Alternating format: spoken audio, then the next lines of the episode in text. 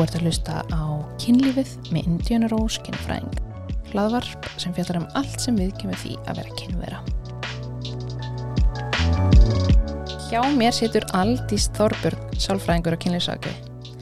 E, segja mér, hver er Aldís og hvað gerur hún? Mm.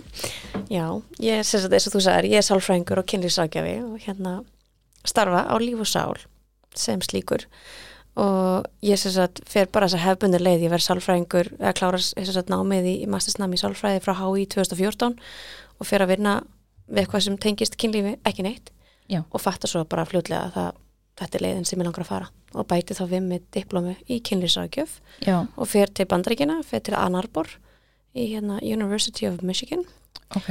og fann það bara rosa svona praktist og gott nám sem að gætt veitt mér akkurat það sem ég þurfti bara veist, þessi verkfæri til að fara að vinna meira með kynlýs ráðgjöfina sem sagt. þannig Já. að, já, að ég tek á móti pörum og einstaklingum og, og býð hins eginn fólk sérstaklega velkomið Já, því þú varst líka ráðgjafi hjá samtökunum. Já, það passar Ertu þar ennþá? Nei, sko manla, samtökin er alltaf einhvern veginn partur af mér og allir því sem Já. ég geri og ég tala alls þar um samtökin og þykja vænt um þau ég er ekki starfandi ráðgjafi eins og er en ég svona kemin í sérstök verkefni stundum hjá þeim og. En námið þitt, Já. þú veist, fluttur út? Nei, Ok, þetta er, þetta er ár sem ég er að taka hann úti og þau bjóða upp á uh, bæði sem sett svona staðlótur og svo er fjarnám þess á milli þannig ég fór út í ykkur fimm skipti og, og restin var bara heil helgi fyrir fram að tölvuna og hérna setja börnin í passun og, og byggja konuna um að hugsa um þau á meðan ég fór að, að læra Já. þannig að þetta er svona, þetta, þú tekur þetta í svona törnum það var í hverjum einasta mánuð einhver lóta annarkvort fjarnám eða þá staðlóta ok. Þannig að þetta er svona, ef að þú ert sálfræðingur eða er þetta bara fyrir sálfræðinga eða ef ég, ef ég er félagsrákjafi?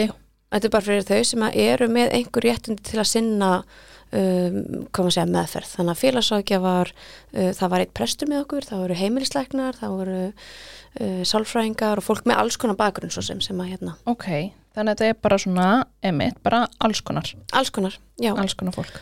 Og, hérna, og, og þau kannski flesta eiga það sæmælt að vera að vinna og hitta pör og einstaklinga og hérna við veitum að alls konar fólk fær til sína aðeila í ráðgjöf og þá er mjög svolítið gott að geta rætt kynlíf af því ég fann það bara mjög fljótt námið undirbjóð mig vel fyrir ákveðin hluti og mér fannst algjörlega vanta þetta ég bara, þú veist, ég vissi ekki alveg hvernig ég ætti að tala um kynlíf ég vissi ekki alveg hvernig ég ætti að opna á það Já. og núna tala ég um kynlíf allan daginn, alla daga og það er orðið svo breytt en fyrst náttúrulega, þú veist að fólk finnur oft meiri streitu þegar Já. við byrjum og nefnum kynlífið þeirra En hvernig var það þú veist eins og í starfinu sem sálfræðingur? Það hefur alveg öruglega 100% komið upp eitthvað svona sem ætti kannski að ræða með kynlíf. Já, Varstu það bara forðaðist þetta eða fórstu alveg hana inn eða, ég held, ég var mjög opin áður en ég fór svo sem í þetta nám og, og hérna mjög heppin að starfa með Áslögu Kristjáns hérna hjúgrunfræðingi og kynfræðingi og, og, og var svona byrjuð lengu áður en ég fór svo sem formulega í námið. En þú samt ert ekki með þessi, fannst mér ekki alveg þessi verkfæri sem ég þurfti til að fara kannski alveg á dýftina sem ég fer á í dag. Já, en alltaf að spyrja um kynlíf og kynlíf er bara partur af, finnst mér, andleri heilsu og líkamnari heilsu er náttúrulega líka kynheilbriði fólks. Algjörlega og þetta er svo oft þegar fólk er í ykkur voli með andlega heilsuna sína eða líkamlu þá hefur það svo mikið áhrif að kynlífið. En þú kannski þorir ekki að ræða það við sálfræðingin eða sálfræðing svona nefnir það en svona en kynlífið, er það ekki er, er, er það eitthvað sem þú ræðum og maður svona líður kannski eins og sálfræðing sé bara please ekki, að ég veit ekki alveg hvað ég á að segja. En Mhm. þú veist, er samt að reyna að þegar fólk emmitt er oft vandarið svona verkfæri og hvernig á að gera þetta af því það ávíða um okkur öll, ég meina við erum ekkert beint alveg uppi það að tala um kynlíf. Að Einmitt. það meir ræða það þú veist, ég meina þú sérst ekkert nefnir fólki og segir því bara þína fantasíur og Mhm. á hvað klam þú horfir á. Eða skilur við, þetta er ekki hluti sem við erum einhvern veginn vön að ræða um. Og það sama við um sálfrænga og lækna og félagsákjafa og bara okkur öll fyrst mér að við hérna erum aftur raug við að spyrja út í kynlíf. Já, algjörlega. Og ég líka svona, ég tek eftir bara í starfunum mínu fólk er oft til í að tala um kannski eins og kynlistaki og eitthvað skemmtilegt að fór heim með einhverjum. En ekki vandamálin. Eða það er eitthvað svona um, þú veist það er eitthvað að. En þú veist kannski ekki til hvernig þú átt að tala við. Að því læknirinn nefnir þetta ekki, sálfrækur nefnir þetta ekki þú ert kannski svona dálítið einna báti. Já, það getur Eh, gerst. en þú segir þú ert á líf og sál er það, það er þá sálfræðstofa Það er sálfræðstofa á Suðurlandsbraut -hmm. og það starfa frábæri sálfræðingar og, og ég er þar með, með stofu Og hvernig, ef ég myndi vilja bóka tíma þér, hvað ger ég?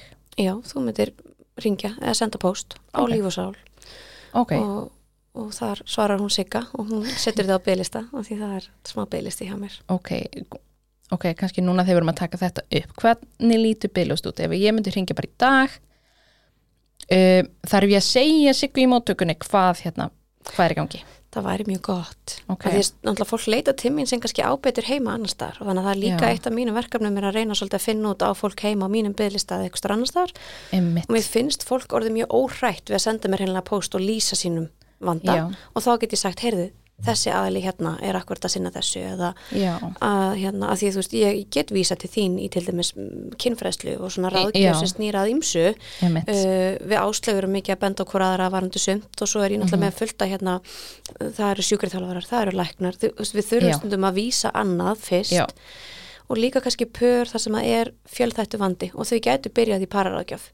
Já, og komið svo til mín þegar kannski þau eru búin að vinna með eitthvað svona já, vanda sem snýr kannski að samskiptum eða ákveðnum ágreiningi eða eitthvað svo leis Já, þannig að já, það mjög gott ef fólk getur svona aðeins, ég skil að maður ekki að fara að segja rítaranum alveg bara, já það, ég geti þá kannski sendt þér post. Hæ Aldís, það er þetta, já, ég var að bóka tíma, ég er að bylista, á ég heima hjá þér að myndur benda hvernig annan aðra. Já. Ok, og ég held mér þess að Sigga sér mjög góð í þessu. Já. fólk segir henni eitthvað smá og þá segir henni, heyrðu ég veit af þessum hérna. Já, því það vant að vera að býða og vera ekki á réttum stað. Já, emmitt og svo kannski eftir tvo mánuð komið að þér og bara, já, herri, þú hefði nú bara getað að fara hérna, í sjúkraþjálfun eða heyrst í indinu eða emmitt, þannig að það er svona gott að fá svona aðeins. já, En hvernig veit ég, ef ég veri nú bara ekki kynfræðingur, ég er bara, hérna, ég er að díla við og ég,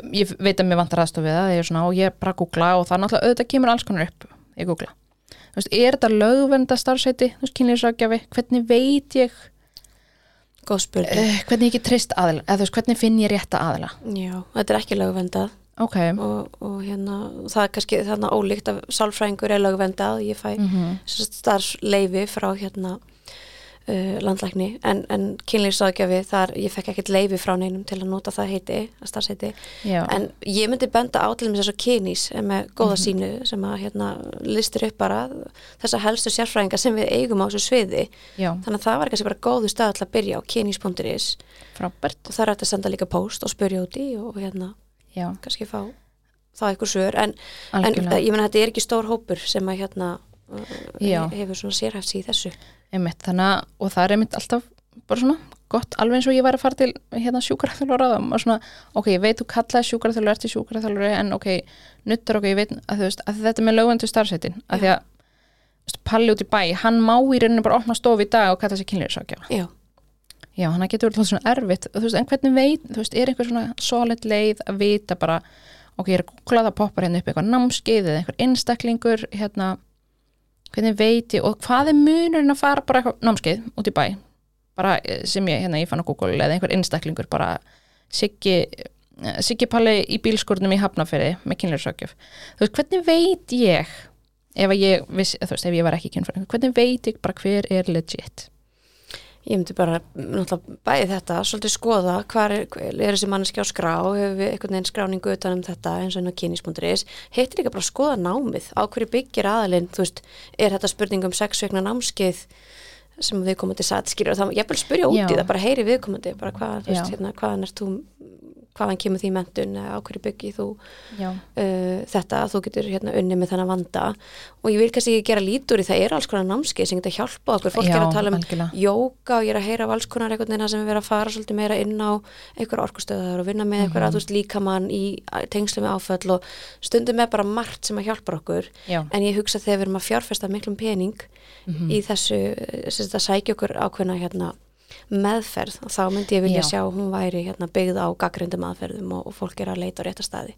Já, og það er kannski einmitt þú veist, ok, ef ég ætla að bæta líka með helsu, jú, ég get farið hérna til sjúkraþjálfura og eitthvað svoleiðis, en ég veit bara eitthvað, já, ég vil styrkja mig, þú veist, ég er ekki endilega að vinna með vandamál, Akkurat. Þá kannski, jú, jú, ég tek hérna þetta námskeið, ég hitti Sigga Palla í bílskurnum og læri hérna um orkustöður og kynlíf eða eitthvað svona skemmtilegt, en þú veist, einmitt, og þá kannski ef ég væri að leita, hérna, veist, vinna með fyrir kynferðsóbeldi eða bara mikinn samskipta vanda, þá bara svona, ok, ég ætla að finna hérna sálfræðinga eða par, Já, ég myndi allan að hvetja og fólk náttúrulega hefur svolítið val um þetta sjálft og ég myndi hvetja til þess. Ef að vandin er þannig að veist, þú þarft eitthvað að sérhæða aðstof við að þá myndi ég Já. heyra í kynlýságjafa uh, kynfræðingi einhvern með mentun á þessu sviði Já, þannig að það er kannski svona ok, er þetta vandi sem þú ert að vinni Mhm. eða ætlar bara að læra meira og þú veist, þá er hægt að heyri sig að pala í bilskurnum en nefnitt, ef þetta er vandamál þetta er eitthvað sem er að hafa áhrif á bara sambandið og andlega líðan þá, hérna, kynfræðing, kynlífsrákjafa mm. ef þetta er, þú veist, einhvað svona uh, tengist okkur um kynverur Já. dæmi. Þessi þáttur Mm er bóði elko ég, það vita ekki margir en elko er með kynlífstæki og sko það sem ég finn skemmtilegast er að það er 30 daga skilafrestur. Mm. og þetta er svona unastrygging sem þýðir að ég fór í elko um daginn og ég var svona, ég ætla að fara að skoða tækin. Uh, og ég spyr einhvern starfsmann og ég eitthvað, herrið, hvað eru unastækin? og hann svona, já, uh, þau eru bara netinu, bara netvislun ég eitthvað, já, ok, hann eitthvað en það er 30 daga skilafrestur. Og ég eitthvað ha, hann eitthvað já, bara getur farið þeim og prófað og ég eitthvað, get ég bara prófað og skilað? Og hann bara já. Og svo fór ég á fund með Elko og ég eitthvað, hvað hérna, hvað gerir svo í tækin?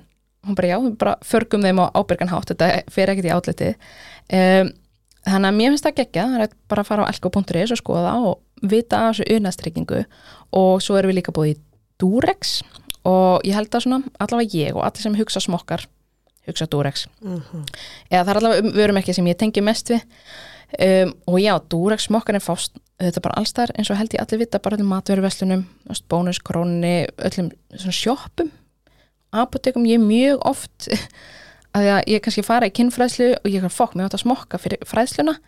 Ég er svona hoppa í einhverja sjoppu klukkan nýju morgunum bara herri, ég ætla að fá smokka. Uh, og ég ætla að fá nótum í kennitölu. Kinnfræðsla í dag. Hana, já, Durex smokkana þau eru algjör snild. En ef við förum aðeins í kynlýfsrákjörnum hvað er kynlýfsrákjöf? Já, hún er náttúrulega þá ráðgjöf sem beinist að einhverjum vanda sem að fólk er að upplifa í sínu kynlífi. Og það getur náttúrulega verið, þú veist, í sínu hérna, það er ekki að tengja smaka bara þitt kynlíf með þér, þú veist, í þinni sjálfsfróun, vandi við að fá fullnægingu eða sásöku við innsetningu, það er að setja eitthvað hlut eða tippi eða hvað það er inn í, inn í legung uh, og svo líka þessi vandi sem að pörur að takast á við. Þannig að þetta getur verið einstaklingsvandi, þetta getur verið paravandi, risvandi, vandi við hérna, sálátt, uh, alls konar hérna byrtingamindir sem getur líka tengst því bara hreinlega að hafa ólíka kynlöngun eða uh, ólíkar hugmyndur um hvernig kynlífið á að vera. já og þú veist, fyrr, finnst, er algengur að fólk kemur sem par eða einstaklingur Mm, er eitthvað munu þar á milli? Já, mér finnst sko, nei, það, það koma bæði sérst pör og einstaklingar til mín. Uh, stundum hefur verið allur gangur á því fyrst kemur einhver einstaklingur og svo kemur makin eftir einhver tíma Já. eða fólk byrja saman og svo slitnar upp í sambandinu og mannskinn heldur áfram og það er náttúrulega líka bara lífið og allt það Mhm.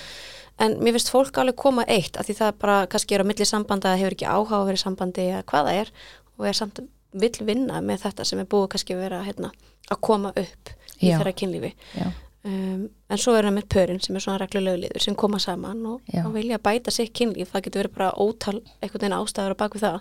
Já, og hérna og, og já, og svona við erum þá bara með eitthvað verkfæri sem við vinnum með til að reyna já. að grípa þar inn í og hjálpa.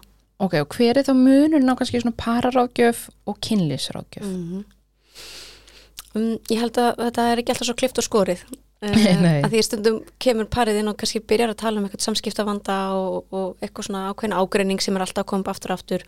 Og síðan bara þú veist að því ég spyr alltaf út í kynlífið og þá er alltaf líka oft leynist vandin líka þar. Veist, ef við erum stöðut að lendi í reyfrildum er það kannski ekki líka að byrtast hérna, í kynlífin okkar eða í nándinni eða hvað það er þannig að uh, mér þetta svona flæða bara stundum mm, þarna á milli að við séum kannski með fókus í eitthvað tíma á kynlífið og, og sama tíma á samskiptin en kannski Já. verður annað meira aðkallandið heldur en hitt. En stundum er ekki vandi í kynlífinu og þá eru að vinna með þessi samskipti og vinna með nándina og vinna með kannski eitthvað hluti sem hafa verið að koma upp eins og áföll uh, hjá einstaklingnum eða hjá parinu. Og, og þannig að þetta, þetta getur verið tveir ólíki hlutir og þetta getur verið eitthvað sem að tengist mjög mikið. Já, að því núna er þú, þú veist, kynlýfsrákjöf finnst þér fólk vera að koma til þín? Þú veist bara, herru, þetta er hérna vandamál í kynlífinu eða presentara fyrir herru, þetta er vandamál í samba, þú veist svona para sambandinu veistu hvað ég meina, þú veist, e- Mér finnst fólk meira óhrætt við að skrifa bara við erum að koma í kynlýsraðgjöf Já, og bara og við erum að koma út af kynlífinu já. og þetta vandamál í kynlífinu ekki bara samskiptin okkur slæm og það hefur áhrif á kynlífið. Mm. það er bara, það Ég er ætla að sjá þetta. breytingu á þessu sko. Já, kannski fyrst var það svolítið svona "Já, við þurfum að koma í pararáðgjöf og svo var raunin svo að það var eitthvað sem tengist kynlífinu fyrst og fremst. Já, um, en já, mér finnst svona alveg fólk vera opnari með það. Þannig að Ok. við bara alveg frá fyrsta tíma er bara ljóst þau eru að koma hérna þetta par út af, út af þessu hvað er þá munurinn eins og við vorum aðeins að tala um pararákjöf, kynlífsrákjöf Mhm. en eins og bara fólk sem kemur í kynlífsrákjöf til þín að því hún nefndir hérna áðan að stundum vísur kannski á mig eða sikkudök hvað er munurinn að fólk hvað er dæmum vanda eða kannski eitthvað svona sem ætti kannski bara betur heima þú veist, að tala við kynfræðing þú veist, í stæðan fyrir kynlífsrákjafa Akkurat. Um, já, ég held að það, sagt, þarna komum við inn á punktin að fólk hefur fengið mjög misjafna fræðslu já, í grunnskólum og þar að leiðandi kannski bara skortur upplýsingar, skortur bara þekkingu á og þar bara fá fræðslu um líkamann, uh, um bara kynlíf almennt og er bara svona einmitt að sækja sér ráðgjöf sem að tengist því kannski beint. Og síðan erum við farin að skoða vandamál sem að, jú, oft er ég í kynfræðslu en það er eitthvað vandi sem er kannski umfram það. Já, Þannig að það er ekki bara það að það skortir eitthvað þekkingu heldur það er að lenda ítrekkað í einhverju sem að það getur ekki leist með því að googla það eða fá ykkur upplýsingar úr bókum eða hvað það er. já. Þannig eins og kannski segjum dæmi einhver hérna hefur aldrei fengið fullnægingu. Já, þau gætu komið til mín Já. og ég var með, þú veist, ef þetta er kona sem er kannski algengara heldur en hérna sís kallmenn, sís kona bara svona ég hef aldrei fengið fullnægingu og ég emitt myndi taka bara, ok, um píkuna um hérna sjálfsfróun, um snýpin en ok en svo er eitthvað svona, jú, ég hef fengið fullnægingu en ég er rosalega erfitt að gera það með öðrum. Þannig að það væri þá kannski frekar. Mm eða eitthvað svona, já, þú veist, ég held að ég get alveg fengið fullnægingu, ég hef nú aldrei fengið hana. En að því það, ég bara verð svo stressuð eða ég lendi hérna kynn fyrir sopaldi, það er það kannski munurinn eða bara eitthvað svona, akkurat. og það er dálítið erfitt að greina hann á milli. Þetta er kannski ekki alltaf klift og skori, kannski geta ykkur byrjað líka bara í uh, að fá mjög góða kynfræslu og, og en, en Já. undirbúning einhvern veginn, ok, nú skil ég, ég þekki betur anatómínu og allt þetta, já, uh, lærum fantasíur og hvað ég get nota til að kveiki í mér, en, en ef að það kannski líka bara, ok, það er eitthvað þarna annað. Og Já. þá oft fer maður að skoða hvað, hvað skilabóð fegst þú um bara það að vera kynvera sem barn og Já. þarna geta líka verið bara alls konar áföll sem að, þú veist, stór og smá þar sem að við hefum fengið upplýsingar um að þessi skítut og ógislegt og ég fer að vinna mjög mikið í þessu oft með fólki já, til að, það kemur upp bara rosa mikið skömm. Þarna var ég svolítið greina milli. Þú veist, þarna er ekki, að, það nægir ekki kannski bara að fá uh, ráðgjöf sem beinist að kynfræsli, það þarf einhvern veginn að fara á dýftin að fara með kannski söguna og fara í önnu verkfæri. Ég, ég veit bara hver mín takmörk eru. Ef einhver kemur bara, herri, ég hef aldrei fengið fullnægingu. Ok, við fyrir kannski hérna yfir sjálfsróun og hérna alls konar aðferðir, eða þú veist, segjum það. En að þau eru bara svona, ok, ég er búin að prófa en ég held að ég finn svo ógæslega mikla skömm. Þá var ég bara, ok, næsta skref er hérna kynlífságjafi, að ég veit bara, þú veist, ég er ekki að fara að grafa, þú veist, ég vinn ekki einhvað sem er áföll og eitthvað svoleiðis eða mitt sumpur er bara eitthvað svona þú veist, hvernig ég var að finna tíma í kynlíf og hvernig, þú veist, ef að tala um það? Ekki eitthvað svona, herðu, þú veist, það er eitthvað svona þú veist, já, við fagælinn getum líka alveg greint þar á milli, þú veist, ok, byrjaða bara. Og fólk getur líka bara að skrifa post og bara, herðu, þetta er pælingin. Og þá bara, já, herðu, tökum spjall. Eða, herðu, já, ok, talaðu við hérna Áslöf Kristjáns það eða er kannski bara Aldísi. gott að fá eitthvað ráð hvað er á þetta Já, heima, hvert, hvert á ég að leita að því ég því- fæ líka emmitt oft skilabóð bara herði það er hérna þú veist risvandi Mhm. annað hvert mér eða makanum mínum. Og þá er maður fyrst bara að því að maður kemur svo takmarkað á bara einhver Instagram þá bara svona ok hérna mæli með að veist, fara til læknis bara það fara læknis. Og hérna þú veist, heyrðu þeim, ef það er ekkert þar sem læknin sér, bara heyrðu þá kynlífsrákjafa þú veist, og að þanga til þá getur þú prófa bara hérna emmitt, minka, breyta handrituna það þarf ekki að vera stampína eitthvað svona létt og svo kannski þetta er kannski stutt spjall á Instagram maður getur ekki alveg eitthvað kafa djúft í bara hvena byrja þetta, af hverju er einhver, þú veist, alls konar svona. Hérna, ég ætla að segja með kynlýnsákjöfuna hún byggir rosalega mikið á kynfræslu þannig að þarna er líka eitthvað brú á milli þú veist að þú veist, þú ert að vinna, jú, með áföll og með alls Mhm. konar, þú veist, tilfinningar og kannski eitthvað sem hefur verið hérna erfileikar í sambandinu eða hvað það er.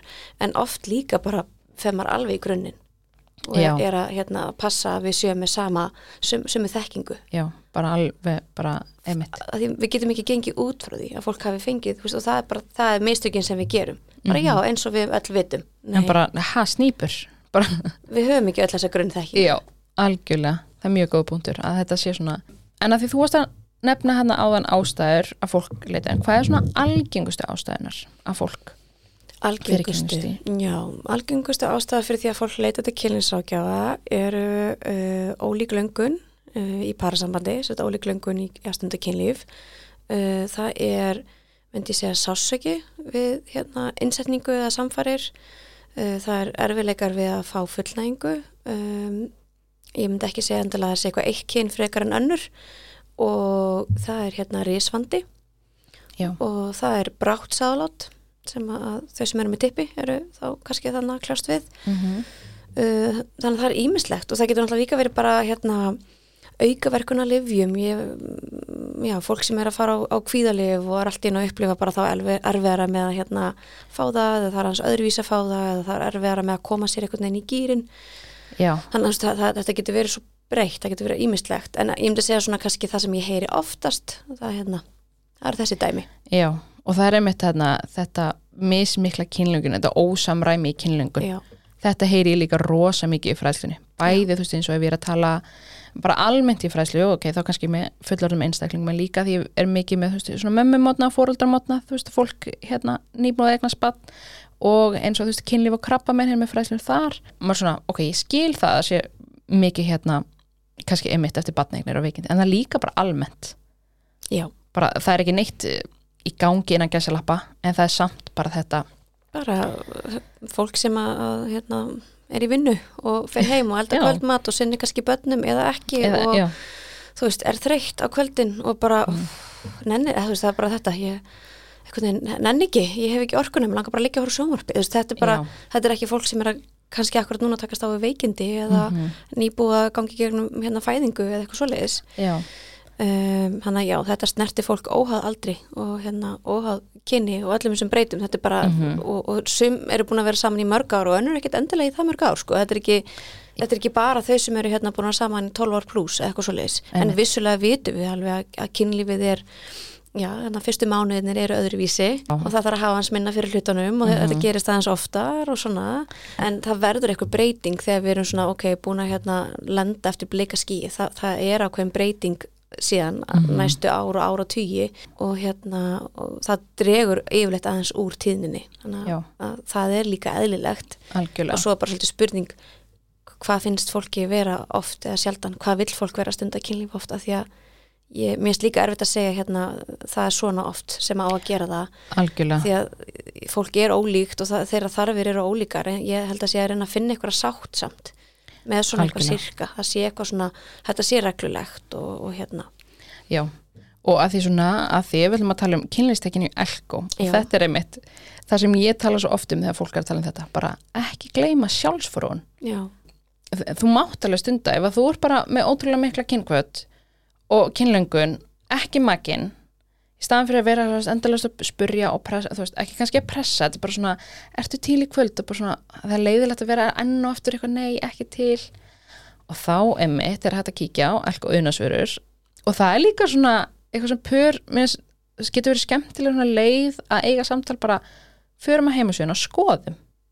Og bara við vitum jafnvel kannski, það er þetta ennum ísræmi, þú þarft klárlega að fróða meir ef að panta eitthvað saman Mhm. og þú veist, þú getur fengið bara þú getur panta með án kennutölu sem er algjör snill þannig bara inn á Elko þarft ekki að setja kennutöluna og getur fengið bara svona droppsendingu í bara ómertum umbúðum.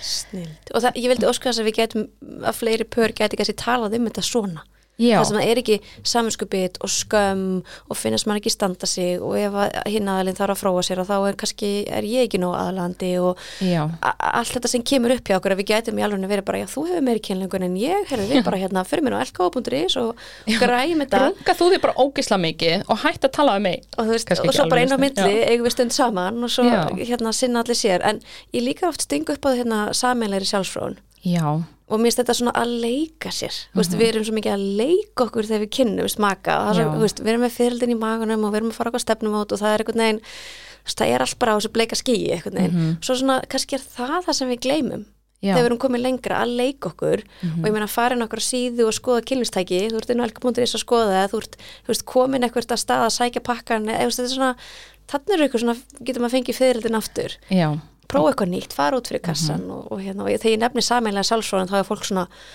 úf, ok já bara, ég bara stara á hann runga mér eða hérna hvað, einmitt þú kannski útskýr, hvað er svo svona? Já, hún alltaf getur fólki. verið alls konar en hugmyndin er að liggja hlið við hlið og, og, þú sérð um þig og maki sér um sig og, og þið getur verið náttúrulega knúsast og kissast og eitthvað. Mhm. getur verið annar aðalinn eða bara eitthvað herrin ég hef enga þörf núna, þannig að ég leik kliðin á þér kannski og er að, þú veist, til staðar.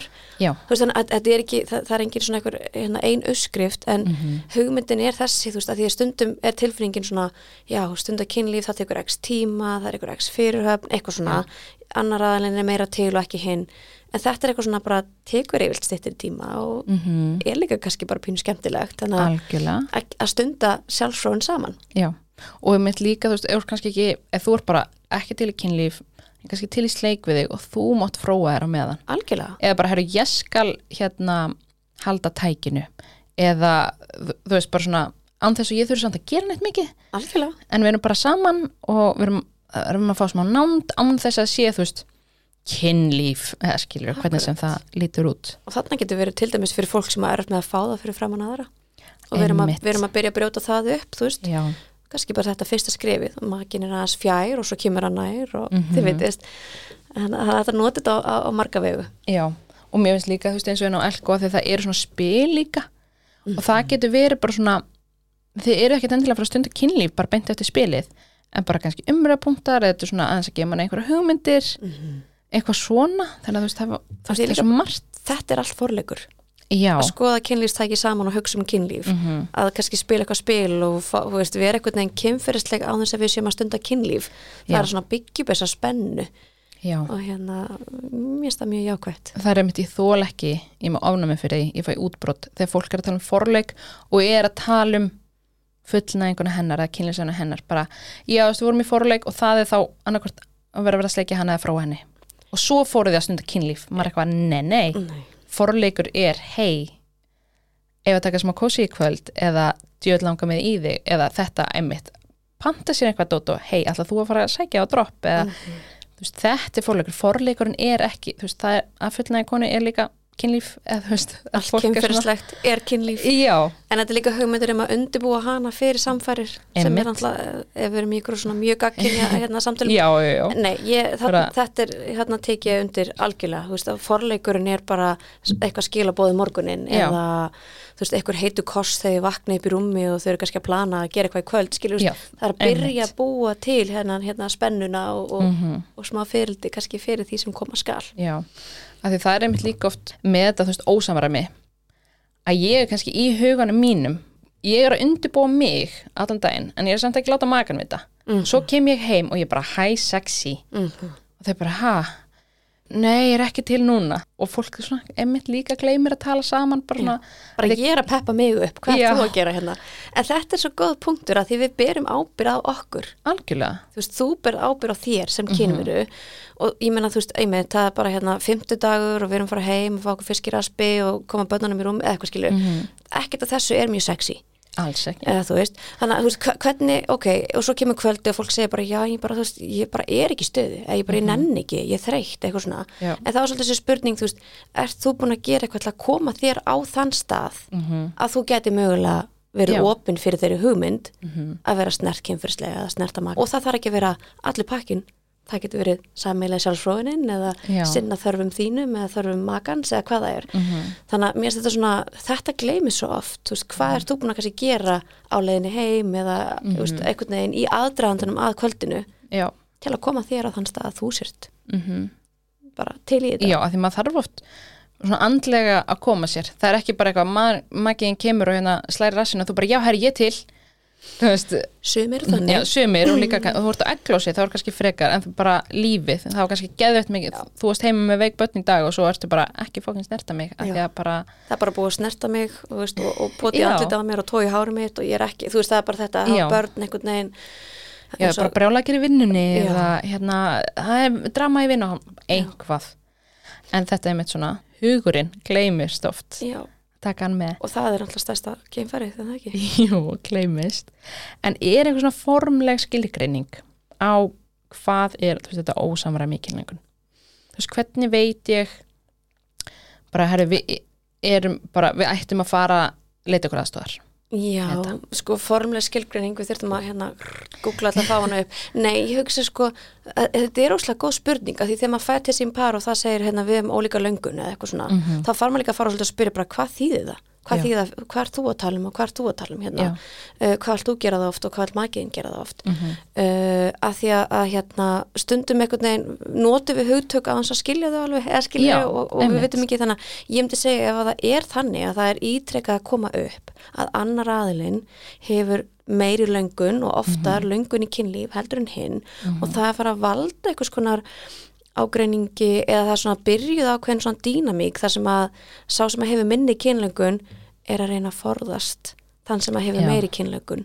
Af því það er ákveðin svona varnastæða bara eitthvað ekki einu svona snerta olbóðan hans eða hennar eða hans að því þá fyrir að gefa eitthvað hugmyndur um að það gæti verið kynlíf og eftir.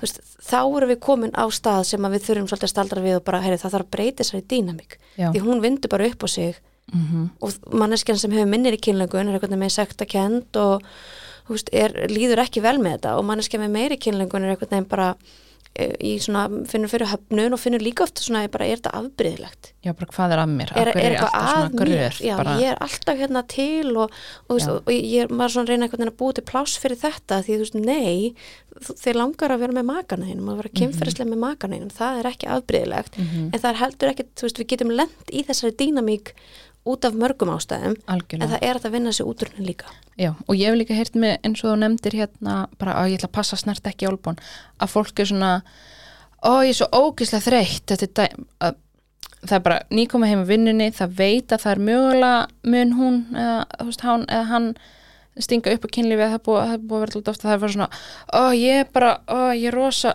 ég er bara eitthvað þú veist, að þetta verður svo skilabóðum og ég er ekki að fara að sofa hjá þér. Já, og þetta líka í staðan fyrir að segja Já, kannski bara herðu er ekki í dag. Já, bara, og líka þetta fólk svona, þú veist, þú er ekki að tala um þetta þegar, einmitt, hrættum að höfnina, hrættum að særa og þú er þá ekki að segja bara, herðu þú ert rosa ofta að byggja mig, mér finnst erfitt að vera alltaf að segja nei, Já. bara má ég þú veist, ég er ekki búin að vera hérna gröð mjög lengi, má ég bara koma til þín þegar ég verð svo gröð, eða er til til að líka taka pressuna af því. En þarna komum við aftur að þessum punkti að fólk geti rætt þetta eins og þú ert að lýsa þarna parinu sem er að kaupa sér kynlýfstæki að þá hérna einmitt, þá værum við ekki að lenda í alls konar svona flækjum. Já. að því að geta sagt bara, heyrði, það er bara veistu, ég er bara búin að vera slapp, það er bara erfið vika hjá mér. Mhm.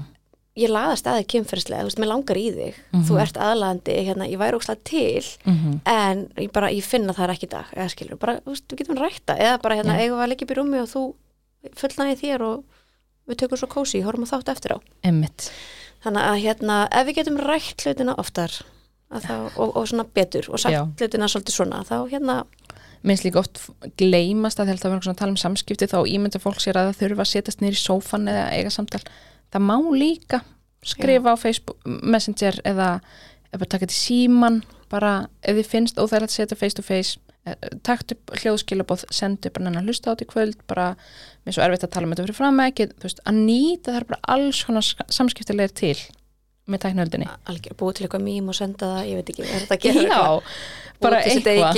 nei, hérna, algjörlega því, hérna, því ofta sem við tölum um það því auðveldur að verður það. Algjörlega. ég get bara setið hér á votta fyrir, veist, ég fæ ekki lengur eitthvað kvíðasting í magan eða eitthvað, veist, maður bara því ofta sem við ræðum kynlíf mm þá, það, því það er, hérna, þegar fólk er ekki vant að tala um það, þá svona hækkar hans blóðurstingurinn og verður svolítið stressað, en algjörlega. við getum algjörlega lært það bara kynlíf er bara eins og annað í lífinu, Mhm. sem má bara tala um -hmm. það þarf ekki að skamma sín fyrir það, það þarf ekki að setja sig ykkur ákveðna stellingu til að Já. ræða það, það má vera bara, þú veist, með að vera með elda kvöldmat eða bara í vinnunni og ég tek símtalið eða, Já, og má líka segja bara, mér finnst þetta ókslega erfitt, mér finnst þetta ókslega vandrarlegt, ég skammast mér ókslega fyrir þetta, en, Mm. þú veist, það er bara svona, þá eru búin að leggja þá línu. En hún kannski nefndi það áðan, um, hvaða hugmyndir er kannski hjá fólki, hver- hversu oft ætti fólk að stunda kynlíf? mm Að því ég fæði oft, kannski er þetta svona unglingar sem hafa ekki stunda kynlíf af einhverju er svona, en hversu oft er eðlilegt að ríða? Maður eitthvað, Uh, já, en kannski þarf að setja þeim bara eitthvað svona ekki oftar en þeir svo dag þeirri bara einu sinni á ári. Bara til að búa til börn. Er kannski svona, hvað finnst þér vera svona, þá kannski hugmyndir fólks þegar kemur til þín hvað ætti að vera eðlilegt Ég held að það sé mjög misjönd. Um, mörg pör eru að bera sig saman við fyrstu mánuðina sína saman. Já, og þá er það eitthvað svona, "Jú, við gerðum það bara alla daga. Eða við gerðum það bara, veist, flesta daga vikunar eða eitthvað svona. Og, og þá er hugmyndin einhvern veginn bara þetta er, þá erum við ekki að standa okkur hérna núna tíu árum setna eða hvað það er. Já, um, en nei, ég hugsa mörg sem eitthvað hugmyndir um, þú veist eitthvað tölu, tvís og þrísvar í viku eða eitthvað svona. Mér finnst það eitthvað, þrísvar í viku. Þrísvar í viku Bara- kannski. Um, fyrir sumpur er það bara raunhæft. Já, og þau stunda sér kynlíf þrísvar í viku og það er Mhm. bara gott. Fyrir önnur er það ekki raunhæft. Þannig að hérna uh, ég fer ekki í að segja eitthvað svona bara það er þessi tala einmitt. Ég veit að það hefur verið rannsakað og eitthvað svona fólk hefur verið ánægt með einu sinni í viku það hefur ekkert bætt ánægina kannski að bæta við skiptum en að draga úr hefur kannski dreigð úr eitthvað ánægi með, með hérna kynlífið. En heilt yfir þá er þetta meira svona spurning um að hérna, þú veist, að reyna að búa til tíma, segi ég í hverju viku þar sem að við erum að hlúa nándinni. Já, ekki endilega, herru, við erum að fara hérna fúlan samfærir eða strappon eða hérna allir dótakæsin dregin fram. Nei, bara, við erum að búa til tíma í hverju viku samt. Já, það sem að fólk er að því, bara stundum þegar við fyrir bara að vinna með nánd já, líkamlega nánd og snertingu og bara að segja hlutina meira þú veist, Mhm. að, eins og við erum að tala um núna á þessi góðu samskipti hana að þú veist, þá segir fólk að þú veist, það er verið strax ánæra með sambandi sitt. Já, og sér sjálft, skilju, Mhm. og einhvern veginn ánæri sínum líkama og alls konar. Þannig að þú veist, maður má ekki heldur gleyma því að hlúa nándinni og, og hérna, og síðan, einmitt, að byrja svona hægt og rólega að búa til pláss fyrir kynlíf að það sé Algjörlega. ekki bara það sem er einhvern veginn aftast á listan og við getum alltaf ítt hítið hliðar Mhm.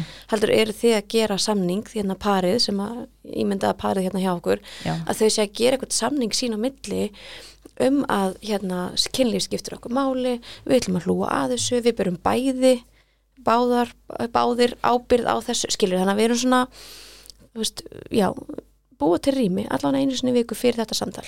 Já. uppáhaldsráðið mitt er segja fólk að fara í sleik. Það er mjög gott ráð. Því, og, og líka þegar maður hugsa um bara, ok, bara þegar maður var unglingur og var ekki byrjar að stunda kynlíf maður var svo mikið í sleik og svo lengi veist, maður gerði ekkert annað og ég eitthvað svona, ok, þið bara sleikur, setist tíu mínútur bara þið setið tæmer, þið setið á þriðudaginn kannski morgunna hátteginu, það er allir þreytinu kvöldi þið setið tíu mínútur í sleik og banna að gera meira. Því þá kemur líka svona, hei, á morgun er sleikur. Já, þetta er eitt ráð sem ég nota líka eitt úr verkfærataskunni Já. en, en hérna, það er líka því að þú veist, það, þegar við erum farin að forðast og olbúin þýði kynlíf og ég er að forðast kynlíf að þá er ég að forðast líka þessa sleiki og þessa kossa og allt þetta. En mér finnst það líka að koma inn á þetta bara að leika og vera, ég menna eins og þegar maður er yngri og bara eitthvað þannig að gefa sér tímyndur í góðan sleik, þú veist, Já. við gefum okkur ekki þann tíma endilega í dag.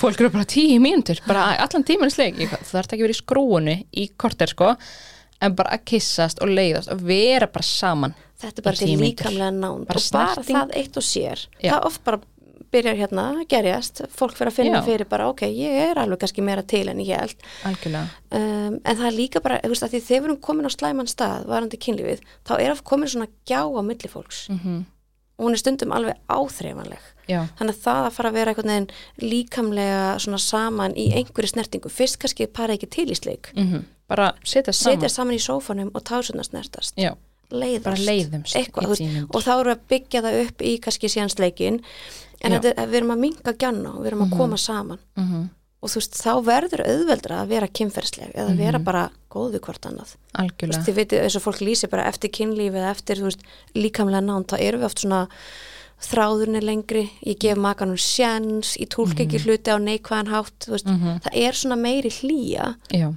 og, og veist, þetta skiptir máli. Mm þannig að vera sem mest veist, að því ofti þetta eitthvað sem byrjar þetta út ef að kynlífið er, eða misræmi í kynlífi, kynlífislengunni Mhm. þannig að kannski myndi segja eitt að fyrst að setja inn væri snerting. Já, passa sig að leifa henn ekki þetta niður. Og snerting sem er ekki skilabóðum kynlíf hún er skilabóðum ást. Og það er líka þá bara skýrt fyrir báðum ekki Algjörlega. bara svona, ok, snertumst og þá kannski fyrir að ríða. En ef þetta nei, bara við erum bara- orðin mjög svelt ef ég nota það, Já. þú veist, og þá er það bara hún er að kissa mig, þú veist, einhvern veginn.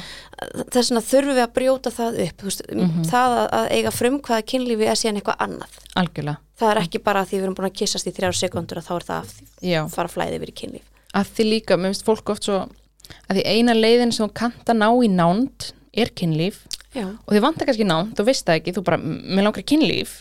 En svo bara eitthvað, já við fórum í bara kúr og sleik og já, mér fannst það bara ekki næs. Algjörlega. Að að fólk svona, já, og þetta er þess að leiðin segja að nátt líkamlega nándin, Já. hún gefur mjög mikið. Og fyrir sum þá eru líka þarna tækifæri til að læra að taka í sundur. Kynlífið er ákveðin nánd Já. en þú getur sótt hana marga vegu. Og algjörlega, mér finnst hérna, ef hérna fólk sem er í sambandi með konu er að hlusta. Já, en mér finnst konur mjög mikið tala um hérna, æ, þú veist, svo bara sátum við í sófanum og vorum að kjafta mm og bara tala og tala tala og svo, veist, þessi tilfinningalega nánd algjörlega. það kveikir í mörgum konum. Mm að finnast þær vera vel tengdar makanum sínum já, að það er ekki bara eitthvað svona, heyrðu, beintin í herbyggja að gera það heldur bara Mhm. svona, ok, þú veist, núna erum við virkilega tengd. Algjörlega. Og þá kannski næsta spurning uh, þetta tekur eftir mun á þú veist, kynneigðum straight, bara sís já, bara mjög heteronormativ pörum eða hins einn pörum, þú samkynja eða alls konar einhvern megin eh, hins einn reglun bara í heilsinni þú veist það sem þú ert í ekki Já. gagkynja sambandi. Já, já, það er alveg munur. Sumt er alveg eins og sumt er ólíkt. Já, er eitthvað svona ef ég hugsa um reglifina bara mjög sko bara í heilsinni hérna þannig að þá er ég að fá til minn kannski pör sem eru líka að skoða það, þú veist að opna sambandið og vera með fleirum og þá kannski koma fleiri, bara fleiri breytur sem er að hugsa úti, þú veist, öryggi og passa upp á verjur og alls konar. Mm uh, og líka hlúa sambandinu og líka vera hlúa því sem að fólk er að gera fyrir utan sambandið. Mhm. en þegar við hugsaum um kannski þú veist það sem pör eru ekki með fleiri fólki heldur bara hérna tvö og tvö Já. saman að þá hérna uh, það getur verið alls konar, það getur verið bara uh, hérna þessi, þessi ólíka löngun að hún getur kannski byggt á ólíkum hlutum. Uh, mér finnst líka vera kannski svona streyta og ála sem fylgir sömu samböndum og ekki öðrum. Ég, nú, nú er ég komin í bara svona að búa í samfélagi sem eru fordómar og streyta og ála og Algjörlega. aðrir hlutir heldur en það að vera bara hérna, heterosís Mhm. par. En kannski svona eh, eitthvað varðandi kynlíf og nánd. Ég menna í grunninn erum við að vinna með sömu hluti um, mm, það bara það þarf að byggja þá hluti eins upp að mörgu leiti sko Já, en þannig kannski eins og, ok, við tækum gagkynja par, Já. samkynja konur og samkynja kallar. já, Finnst þér þetta að vera, þú veist, eins og þetta ósamræmi kynlengun, jafn algengt? Það kemur, já það koma pör veist, nú get ég, nú, er enga góða rannsóknir til að segja það er með meðal eitthvað svona, en þannig ég byggi alltaf bara, þú veist, ég get sagt, ég fæ til mín pör. Óháð Já. þar sem að þetta er vandamál. Um, kannski það sem þau eiga sameigilegt er að þetta eru langtíma sambönd um, en hérna ég hitti náttúrulega bara fleiri gagkinja pör, af því það er bara þau eru er fleiri í svoleiðis. samfélaginu okkar. Algjörlega. en hérna, en nei, nei, ég fæ til mín alla þessa hópa. Já, þannig að, en væri mjög áhuga rannsókn, já, þú fer að safna þessu. skoða kynlífsánægju hérna hjá ólíkum, ólíkum pörum Það er örglega einhver búin að rannsaka þetta. klálega, en ekki hér á Íslandi sko, En hérna, ok, þegar fólk kemur til þín í fyrst skipti, bara hvort það sé ósamræmi eða bara hvað sem er, er það að koma á réttum tíma, hefði það átt að koma fyrr, mm eða er, er það of seint, eða svona, nú fór ég bara að hugsa um punktuna undan ég skal svara þessu síðan já, að það sem við vitum náttúrulega með það, það tengis mér að já, og, og unaði kynlífi, ég ætla bara Já. að segja það samt að hérna, að konur sem eru í, í sambandi með þá öðrum konum eða fólki með píku Já. að það upplifi meira unað í kynlífi Mhm. heldur, en, heldur en aðra konur Mhm. og það er eitthvað sem við verðum að laga Já, líka, já, og það er sem- svona, svo þetta sé skýrt, þannig að ef að ég kona í gagkynja sambandi, þá fæ ég kannski sjaldnar fullnæðingu, það er en ef ég var kona í- með konisambandi, þá fæ ég oftar fullnæðingu. þannig að þegar við fyrir að spyrja fólk út í það og það, þá, hérna, og það er bara meiri fókus á þá unað. Já, uh, því handritið þá líka, Já. þú ert ekki með handritið sem þú lærið þér í kynfræslu, þeir eru kannski búið til eitt e-handrit, að þeir eru ekki algilt í samfélaginu, að því handritið eins og eins og áverð, þú veist, eins og kynfræslega grunnskólum, það er ofta svona, já, strákunar með tippi, þeir fá fullnæðingu, stelpur með píku, þeir fara á túr. einmitt og þetta, þetta handrið tekur þessu og horfður sjónvarp og þú bara já, ok, kynlíf er samfarir og samfarir virka ekkit endilega fyrir fullnæðingu mm. á píku eh, og ég býst við því að sé vond ef ég er manneskja með píku þá er ég búist við sásöka Já, því það, þú ert búin að heyra það. Já, kynlíf er vond kynlífi vond og hérna, alltaf ólétt. líka fyrsta skiptið, já, einmitt ólétt og hérna, allt það Þannig að kannski erum við laus við eitthvað af þessu. Nú er ég að hugsa um samkynja pörin okkar. Þau eru ekki að hugsa um að þau geta orðið óvart ólétt eða þú veist, þau eru ekki með þetta sama handrit. Já. Þannig að það er getan til að brjótast út úr því er einhvern veginn meiri og við fögnum því og hérna og þarf að búa til handriði frá grunni stundum hreinlega, já. En hérna, og við fögnum því að fólk sé að fá einmitt fullnæðingar og sé unaður en auðvitað er það ekki markmið með kynlífi. Nei, Fullnæðingin, eh, það, fólki bara stundar mjög gott kynlíf og það er ekki, það er ekki að fá það hendur. algjörlega, einmitt. En, En- ef þú vilt fá það, þá máttu gera kröfu um þá máttu gera kröfum um og- og, og kynlíf, veist, það á að vera gott. Já, en hérna varandi hina spurninguna, mér finnst eitthvað breyting vera á þessu, því rannsóknir voru alltaf að tala um svona fólk býður í sex ára að hann kemur og aðstofar já, hérna, mér finnst fólk veginn vera orðið meðvitaðara um að það er hægt að vinna með þessa hluti. Já, það er hægt að gera það hér á Íslandi já vissulega erum við ekkert mjög hérna, mörg sem að sinnum þessu en, en mér finnst pör vera að koma fyrr þannig að, jú, kannski alveg verið gott að sjá það fyrir einu ári eða tveimur árum. Já, varandi kannski aðra hluti en það hefur kannski verið í eitt, tvö ár búið að vinda upp á sig en mér finnst þetta ekki alveg vera bara, heyrðu þið hefði átt að vera hérna fyrir sex árum. Já, einmitt, það var kannski svoleiðis en núna er þetta meira svona ok, svona, hefði verið gott að þið komið að fyrir árið eða hálfa ári.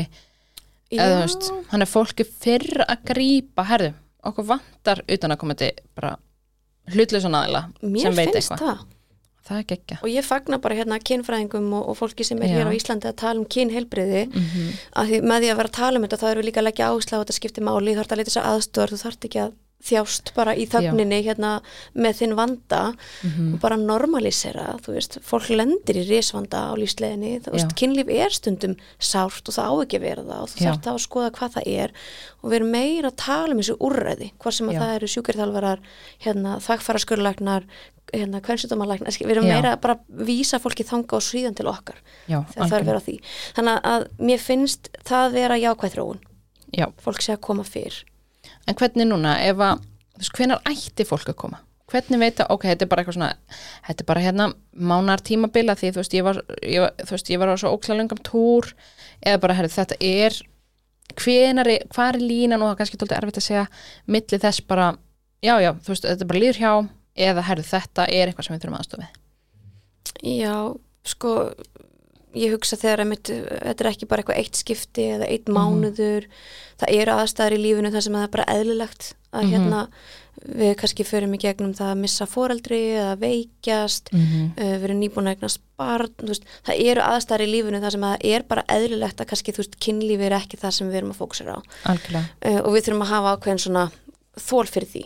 Mm uh, en svo kannski maður segja ég hitti pör og þau segja bara nú er kannski liðið uh, nú komið kannski átta mánuðir, níu mánuðir, tíu mánuðir ár frá Já. því að veiknum sparn og við höfum ekki náð uh, það vilji hjá okkur en við höfum ekki náð einhvern veginn að setja kynlífið aftur inn. Já, þannig að ég er ekki að segja býði árendilega en fólki er svona, það finnur það. Þegar að veist, tíminn, eh, það breytist ekki með tímanum. Já, það er kannski búið að reyða, reyna að ræða vandamálið en það hefur ekki einhvern veginn fundið einhverja lausn á því saman já, og samtali fyrir kannski alltaf út í einhvern pyrring, Já. að þú veist að þetta er erfiðar tilfinningar um, en ég vil samt normalisera það að við Já. eigum erfið að kapla og Já. þeir geta verið einhver tími já, og svo getur alveg, þú veist, ef við náum og ef við eigum gott samtal um það og við náum að setja kynlífið, ok, kynlífið okkar skiptir máli við ætlum að tala um það, við ætlum að rekta og hlúa að því og allt þetta þá getum við náðið aftur á strik já og minnst líka það er einhvern svona þú getur alveg að fara í 1-2 tíma í kynlýsakjöf já, já, þetta er ekkert eitthvað, já, já, við erum bara komið í kynlýsakjöf og þetta verður bara 8 ára af harki.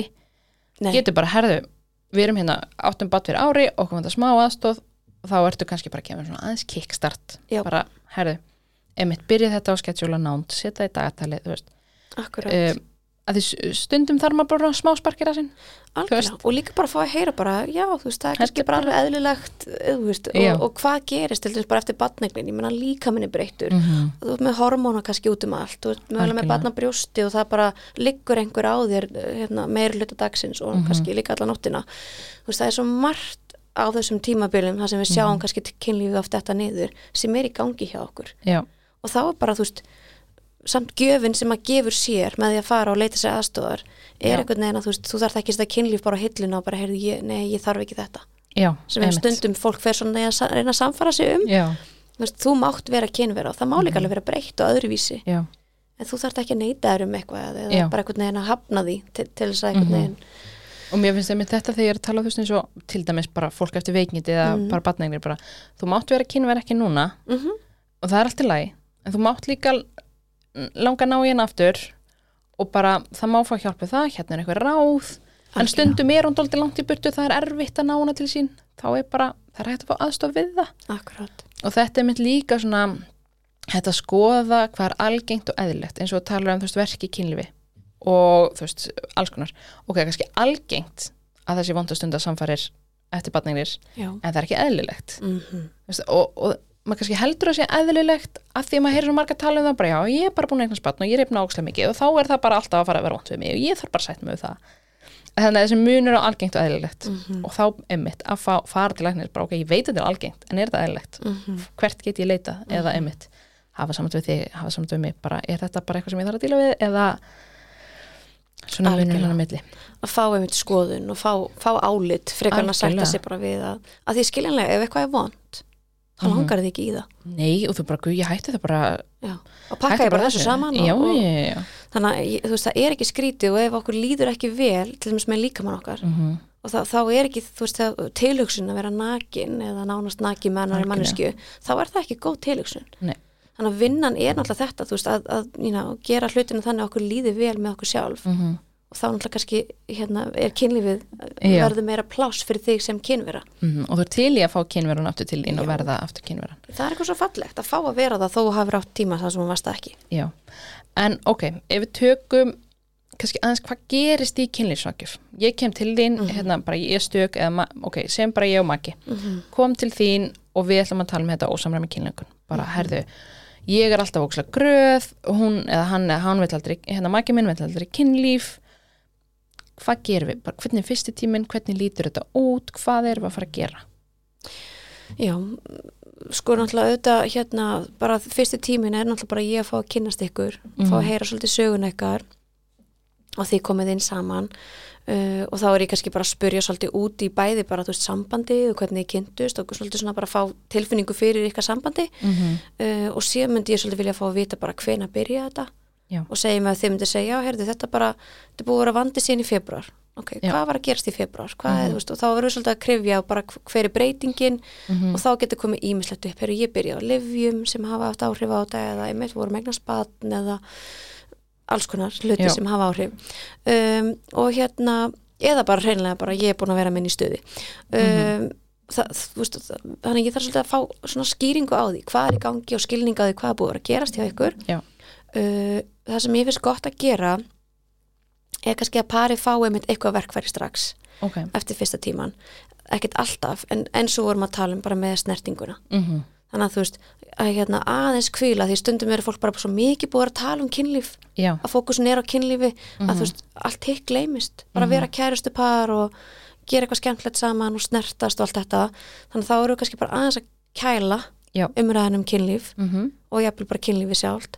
Og reyna að byggja upp þessa nánd aftur þannig að Ok. snertingu hvernig, þið- hvernig helsist þið þegar þið hittist eh, hérna, eftir, eftir vinnuna og hvernig kveðið hvort það á mótnana og bara fara yfir þetta, veist, hvernig líta dagarnir út Mhm. og þannig er ég líka að sjá, er þessi dýnamík byrjuð Já. ert þú alltaf að forðast makan einhvern já, veginn bara eða hann kemur heim og ég hleypi sturtu að því að, já, bara að reyna einhvern veginn og ekki að byrja og bara, nei við þurfum ekkert nætupössun eða þú veist, ég er alltaf að að forðast þessar aðstæðar að því ég, Mhm. ég er ekki tilbúin að taka samtalið Mhm, um, þannig að þú veist, með því að kæla bara aðeins þetta mhm. það sem er, er orðin pressa að þá hérna þá oft kemur svona pínu léttir Já. ok, nú erum við bara, nú megum við bara vera einblínu okkur og líka launandina, tilfinningalöunandina, allt þetta sem er ekki kemfyrslega. Mhm.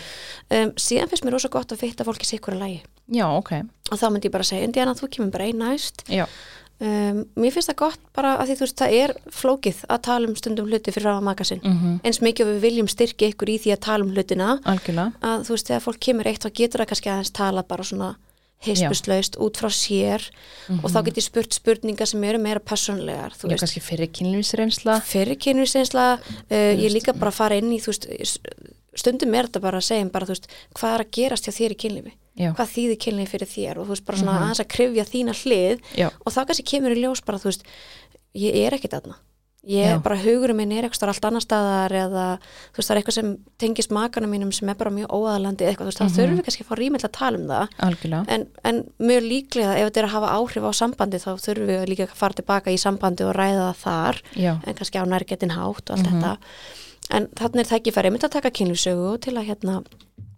greina vandan hans betur og, og líka taka bara sögu veist, hver ert þú, hvaðan kemur þú? Hvað veist þú um heiminn og hvað lærið þú um það og mm hvað, hvað lærið þú um kynlíf og, og vera kynvera og allt þetta? Algjörlega. Um, og svo komum við aftur saman og þá kannski er ég með skýrari mynd og þá legg ég upp eitthvað meðferða úrræði já, sem er ekki alltaf eins heldur. Nei, nei, nei, það er náttúrulega Það er þá kannski einmitt eftir hvernig parið er, hvernig einstaklingarnir eru. Og þannig er bara svo að koma svo alls konar upplýsingar sem að koma bara í ljós bara hérna fyrir samband, það er, er áfallasaga eða, eða ítrykku áföll eða, eða bara á lífsleiðin eða eitthvað.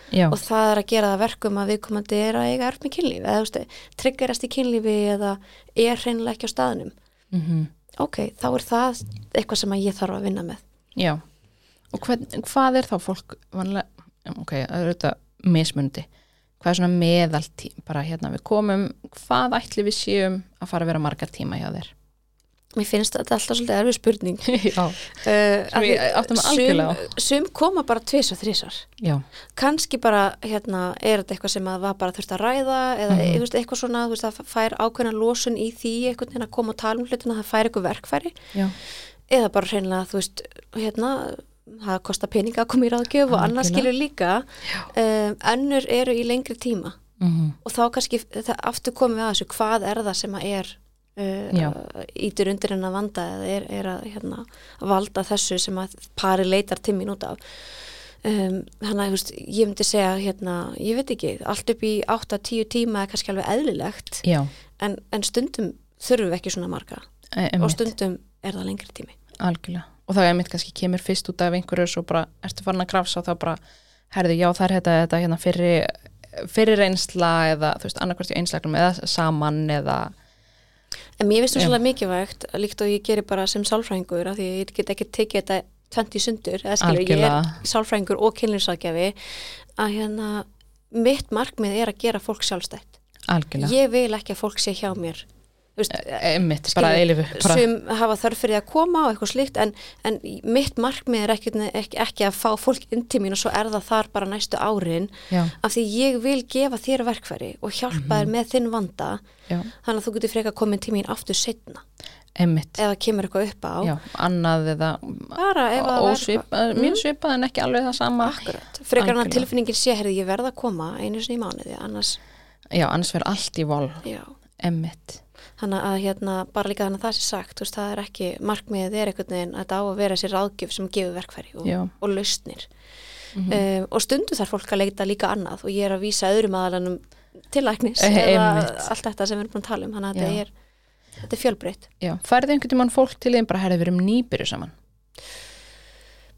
Eða þú veist nýlega, byrjum- já, nýlega, já. eitthvað, við byrjum saman í gær. Nei, bara, ég hef ekki fengið við byrjum saman í gær. Nei, nýlega, já, ég hef fengið svona nýlegpur og er það þá svipað eða er það kannski að byggja bara herði við viljum bara tryggja að þetta verður góð, bara viljum byrja á góðum grunn, Já, ég hef fengið það. Já og mér finnst það bara mjög, mjög skemmtilegt. Um, eða bara fólk sem er bara mjög meðvitað er búið að vera sjálft í bara uh, tölvört mikilli vinnu þú veist, Algjörlega. með einhverja hluti hvort sem Mhm. að það er hérna kvíðið þunglindi eða fyrri áföll og er bara svona, heyrði, nú er ég að fara inn í þetta hérna, Já. samband, einmitt, ok, og mér langar að gera það einhvern veginn vel og, og, og hlúa því. En ég myndi segja svona lang flestir eða flest pör eru saman í einhver tíma, já, einhver ár. Um, stundum náttúrulega bara kemur fljótt í ljós eitthvað mjög óheilbrikt og þá er fólk að koma þá meina ég Já. kannski þú veist og þarna getum við fara líka að tala um bara byrtingamundir ofbeldis og annað Mhm. en, en hérna fólk ánáttúrulega ekki að býða mjög lengi ef að vandin er Já, en ef að þú ættir að gefa fólki sem er að hlusta einhver eitt ráð til bara sem kynlinsrákjafi og sálfræðingur mm -hmm. hvort það sem tengt hérna ósamlega kynlingun eða bara eitthvað þinn auðnaður skipti máli um, og bara óháð því hvort þú ert í sambandi eða eitt eða veist, bara hvernig sem að þú nálgast kynlíf eða, eða hefur ekki áhuga lengur á kynlífi eða hvað það er, þú veist bara auðnaður, hann, hann skipti máli Gekja. Takk fyrir þetta Aldís. Sömu leiðist það